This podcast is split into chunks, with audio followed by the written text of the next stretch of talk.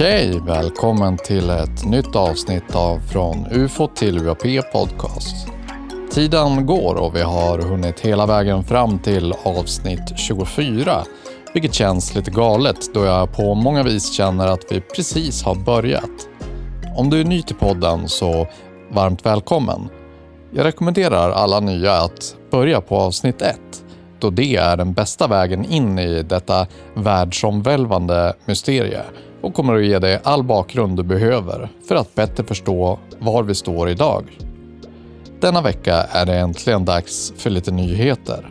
Ett kortare nyhetsavsnitt. Dels för att det helt enkelt inte fanns mer nyheter just nu. Eller, det är väl en halvsanning.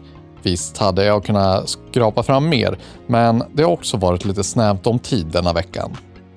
När vi gör nyhetsavsnitt så försöker vi blicka ut och fånga upp vad som händer kopplat till UFO och UAP ute i världen.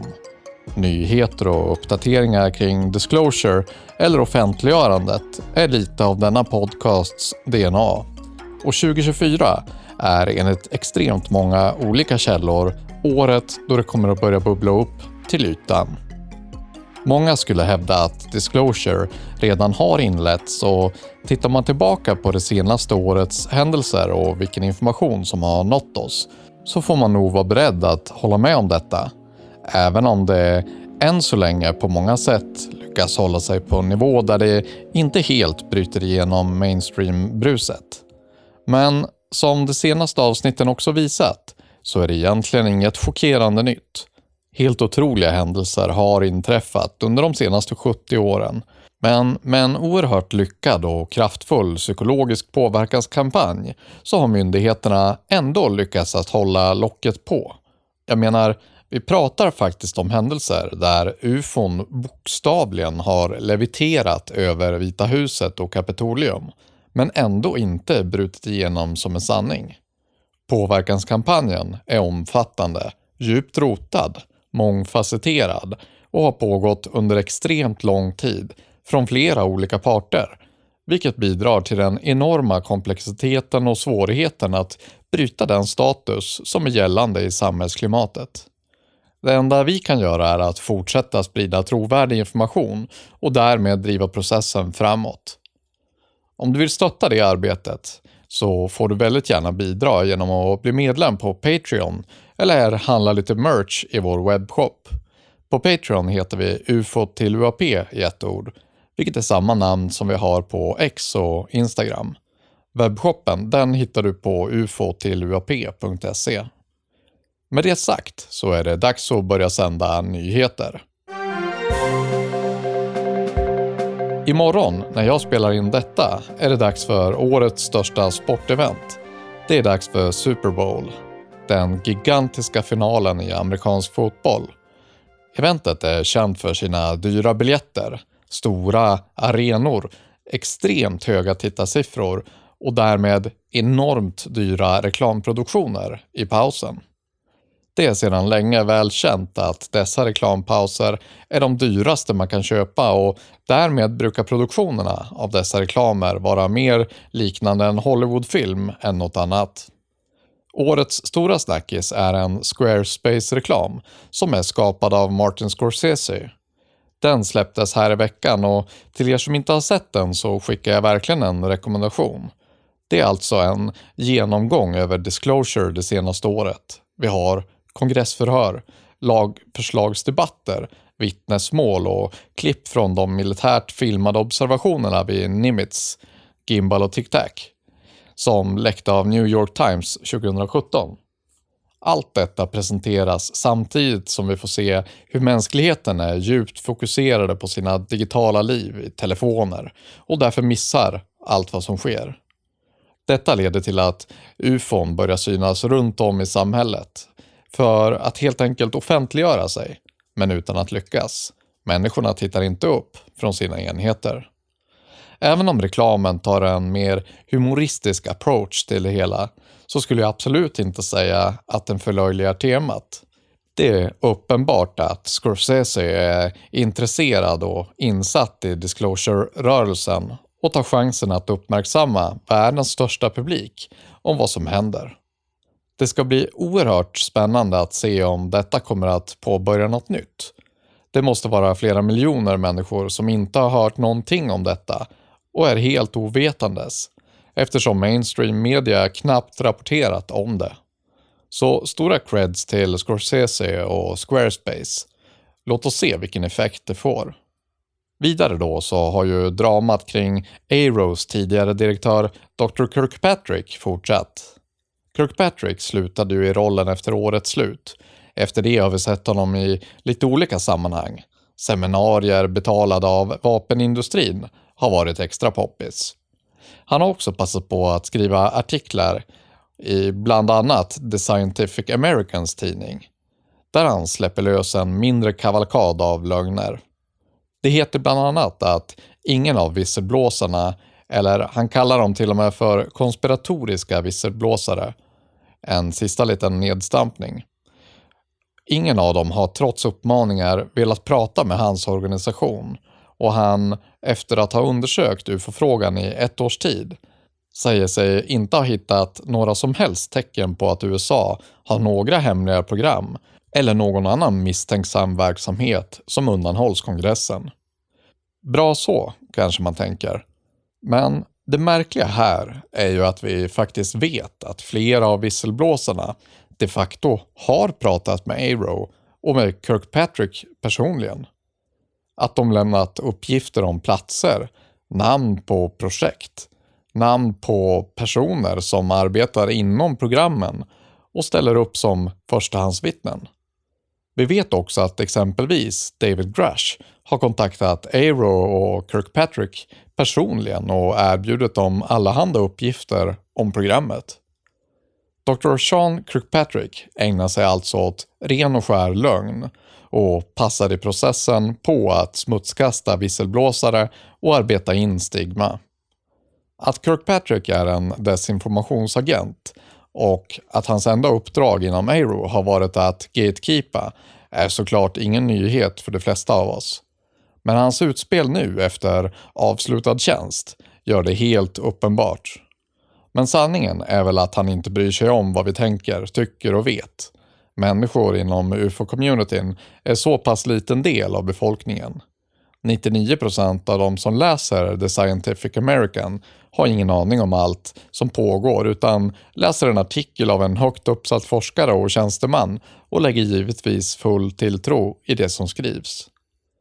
Artikeln får alltså enorm effekt på andra och den får ytterligare effekt i att nya och kommande visselblåsare totalt tappar förtroende och absolut inte väljer att visselblåsa till Aero utan kanske avstår att blåsa alls eftersom det fortfarande tycks vara otryggt. Vi såg också att Lou Elizondo kom ut med en tweet. En kritisk utmaning riktad mot Aero och dess ovillighet att framföra sanningen om UAP-fenomen till USAs kongress. Elizondo, vars arbete med att avslöja information om UAP har gett honom en framträdande plats i den offentliga diskussionen han delar ett kraftfullt budskap som även lyfter fram den betydande rollen som Chris Mellon, en annan ledande UAP-förespråkare, spelar i denna strävan efter öppenhet. Elisando nämner att många personer som han personligen känner har kontaktat Aero och lämnat detaljerad information till Dr. Sean Kirkpatrick och hans team. Kärnan i Elisandos budskap är en utmaning direkt riktad mot Aero. Om organisationen inte är beredd att kommunicera sanningen till kongressen är Elisando och Mellon och deras allierade redo att göra det.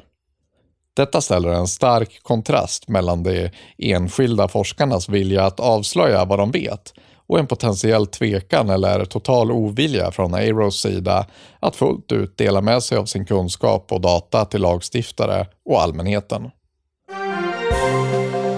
Nästa nyhet då. Vi har tidigare i podden inte pratat så mycket, om ens någon gång, om Daniel Sheehan. Daniel är en advokat som har varit inne i ufo-frågan ett bra tag nu han har representerat Harvard-psykiatriken John Mack och arbetade under en period för Stephen Greers Disclosure Project och senare representerade han, och gör fortfarande, Lou Elizondo. Den senaste tiden har vi sett Daniel Sheehan lite överallt. Han har poppat upp i en mängd poddar och YouTube-klipp och kommer med rätt så extrema uttalanden och avslöjanden. Om jag ska vara ärlig så tycker jag att det är svårt att veta exakt var vi har Sheehan. Eller inte så att jag misstänker honom för att vara något annat än vad han utger sig att vara. Men snarare så att jag tycker det är svårt att pejla hans egna omdöme kopplat till de källor och det material som når honom. Hur selektiv är han i vad han väljer att tro på och sprida vidare? Hur noga är han med att kolla sina källor? Det kan hända att jag är orättvis här, men det är bara den känsla jag får när jag lyssnar på honom. Han fick, i alla fall för någon vecka sedan, frågan om hur många visselblåsare som kommer att komma ut under 2024, varpå han tydligt och direkt svarade 40 stycken. Detta tycker jag är intressant då det är inte det enda hållet som vi har hört denna siffra ifrån. Vi vet exempelvis att 40 vittnen är i antal som har nämnts från David Grush. Det är de personer som han har fått sina uppgifter ifrån, förstahandsvittnen med kunskaper inifrån programmet. Det går också hand i hand med en kommentar som fälldes av Jeremy Corbell för två veckor sedan, där han i en intervju på Virgin Media TV berättade att flera, många personer som har förstahandsinformation inifrån programmen kommer att komma ut i det öppna under 2024. Jag binder alltså ihop dessa tre uppgifter och tror att de syftar på samma 40 personer. Att det är just de 40 personer som David Grush har hittat som under året kommer att komma ut. Jag tror inte heller att det kommer ske i det tysta, en och en, utan får uppfattningen av att detta handlar om ett slags större event, där alla 40 kommer att komma ut i samlad trupp. Möjligen i ett offentligt förhör i någon av kongressens kammare. Mycket spännande är det såklart. Effekten av en sån händelse skulle ju givetvis vara enorm och jag är nog beredd att påstå att det skulle vara disclosure. Mainstream media skulle ju vid en sån enorm händelse inte kunnat hålla det tyst, utan skulle rapportera stort om detta. Så stort att majoriteten av jordens befolkning skulle höra om det. Om det då handlar om 40 stycken förstahandsvittnen så är det ju givetvis en fråga om sprängstoff och inte något som myndigheterna lätt skulle kunna förneka. Alltså tror jag att detta är den stora händelse som vi har hört om tidigare, som ska inträffa under 2024. Detta är troligen starten på Disclosure. Det börjar också bubbla så smått inom EU.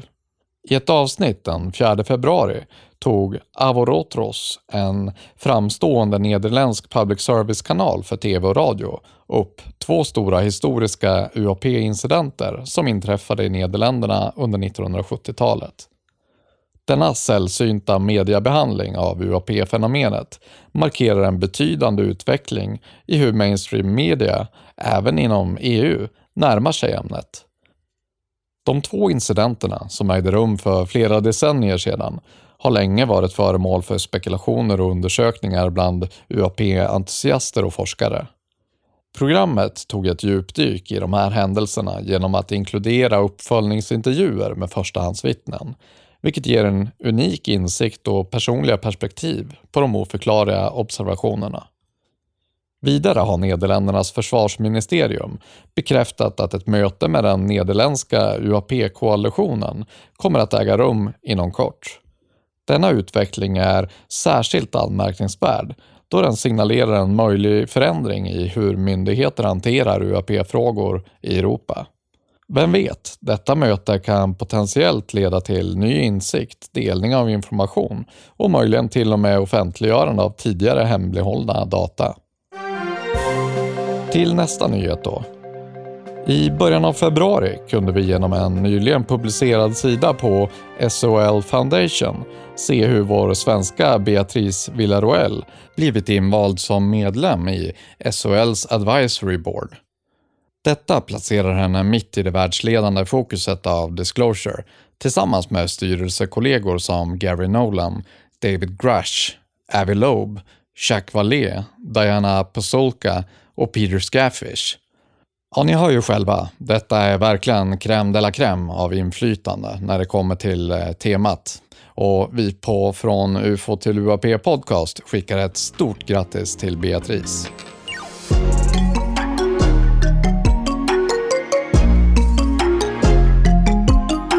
Okej, okej.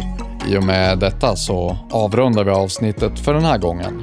Som sagt, lite kortare än vanligt kanske, men naggande gott. Tusen och åter tusen tack för att du lyssnar. Det är så roligt att ha den här stunden tillsammans med er varje vecka och tusen tack till alla underbara människor som skriver snälla och konstruktiva saker till mig i olika medier. Det betyder så mycket att höra era röster. Tack till Hampus som klipper podden varje vecka och tills nästa gång, lev väl!